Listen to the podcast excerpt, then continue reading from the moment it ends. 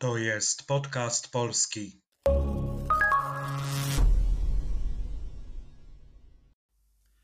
Cześć, oto kolejny odcinek podcastu polskiego, audycji dla tych wszystkich, którzy uczą się polskiego i chcą popracować nad rozumieniem ze słuchu i nad wzbogaceniem słownictwa.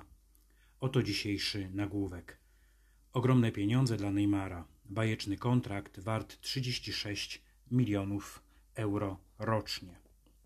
Prześledźmy znaczenie kolejnych słów i sformułowań. Ogromny. Po angielsku powiemy enormous, huge. Ogromny to inaczej mający wielkie rozmiary, zarówno pod względem wielkości, jak i ilości, czyli bardzo, bardzo, bardzo duży. Oto przykłady. Nowy mąż Marty ma ogromną posiadłość na Hawajach. Jej śpiew zrobił na nim ogromne wrażenie. Arabia Saudyjska dysponuje ogromnymi złożami ropy naftowej. Pieniądze. Tłumaczymy na angielski jako money. W języku polskim najczęściej używamy tego słowa w liczbie mnogiej. Jak już wyjaśniałem w poprzednim odcinku podcastu, istnieje liczba pojedyncza, pieniądz, ale używamy jej, jeśli mówimy o pieniądzu w kategoriach bardziej ogólnych, abstrakcyjnych, na przykład silny pieniądz, pieniądz rządzi światem.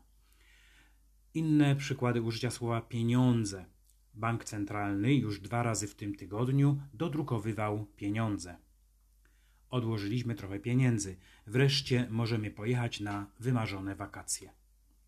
Ale mi głupio. Byłem na zakupach i okazało się, że zapomniałem pieniędzy. Dla Neymara. Neymar to oczywiście Neymar da Silva Santos Junior, brazylijski piłkarz grający we francuskim klubie Paris Saint-Germain.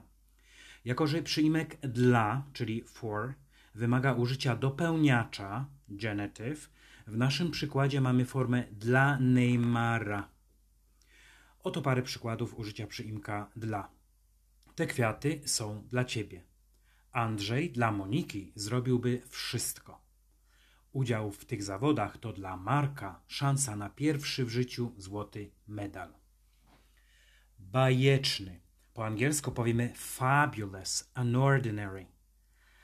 Uwaga, w języku polskim używamy tego słowa jedynie w znaczeniu przenośnym, określając jakąś cechę.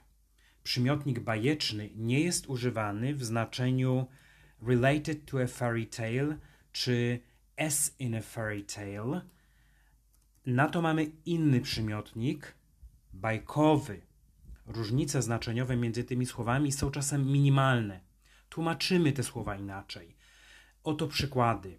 Kaśka i Robert mają dom z wielkim bajecznym ogrodem. W tym przypadku chodzi o Fabulous Garden. Jeśli powiemy, Kaśka i Robert mają bajkowy ogród, przetłumaczymy to na, na angielski jako Garden as in a fairy tale.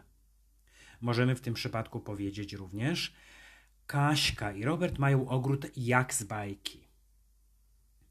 I tu znaczenia są podobne, ale jeśli mówimy na przykład o pieniądzach albo kontrakcie, jak w naszym nagłówku, czyli bajeczny kontrakt, przetłumaczymy to na angielski jako fabulous contract, a nie jako bajkowy kontrakt, bo nie można go w żaden sposób odnieść do bajki.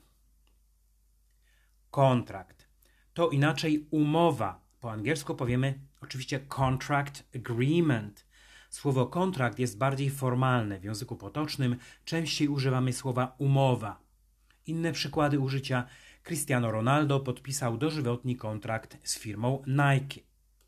Marek ma powody do świętowania. Jego firma podpisała dzisiaj intratny kontrakt. Wart to inaczej mający określoną wartość, cenę lub zasługujący na coś. Po angielsku powiemy worth worthy. Warto zaznaczyć, że niewiele polskich przymiotników kończy się na spółgłoskę. Są to w rzeczywistości formy archaiczne. Niektóre z nich mają dwie formy, na przykład zdrowy, zdrów, gotowy, gotów, pełny, pełen. Uwaga, przymiotnik wart nie ma tej drugiej formy. Forma żeńska i nijaka mają regularną postać, czyli warta, warte. Przykłady użycia. Paryż wart jest mszy. To słynne zdanie wypowiedział Henryk Bourbon, późniejszy król Francji, Henryk IV. Krzysiek chce sprzedać swój samochód za 10 tysięcy. Moim zdaniem on nie jest tyle wart. Antek gotów jest dla swojej dziewczyny wyemigrować, ale jego przyjaciele mówią mu, że ona nie jest tego warta. 36 milionów euro. W tekście mamy skrót MLN, który oznacza właśnie milion lub milionów, miliony. Y, mamy tutaj liczebnik 36, po którym następuje rzeczownik w liczbie mnogiej w dopełniaczu, czyli 36 milionów, a po nim mamy określenie waluty euro. Uwaga, w języku polskim słowo to jest nieodmienne ani przez liczbę, ani przez przypadek. A zatem powiemy: Ja mam jedno euro, ty masz dwa euro. Pożycz mi 100 euro. Pracuję dla hiszpańskiej firmy i moja pensja jest wyrażona w euro. Rocznie. Po angielsku powiemy yearly. Tego przysłówka używamy na określenie działania, które obejmuje okres jednego roku i zwykle się powtarza. Na przykład Seat produkuje 800 tysięcy aut rocznie. Marek zarabia rocznie 100 tysięcy złotych. Przeciętny Polak wytwarza rocznie około 300 kg odpadów. Było to ostatnie słowo na dzisiaj. Na koniec jeszcze raz posłuchajmy całej informacji. Ogromne pieniądze dla Neymara. Bajeczny kontrakt wart 36 milionów euro rocznie.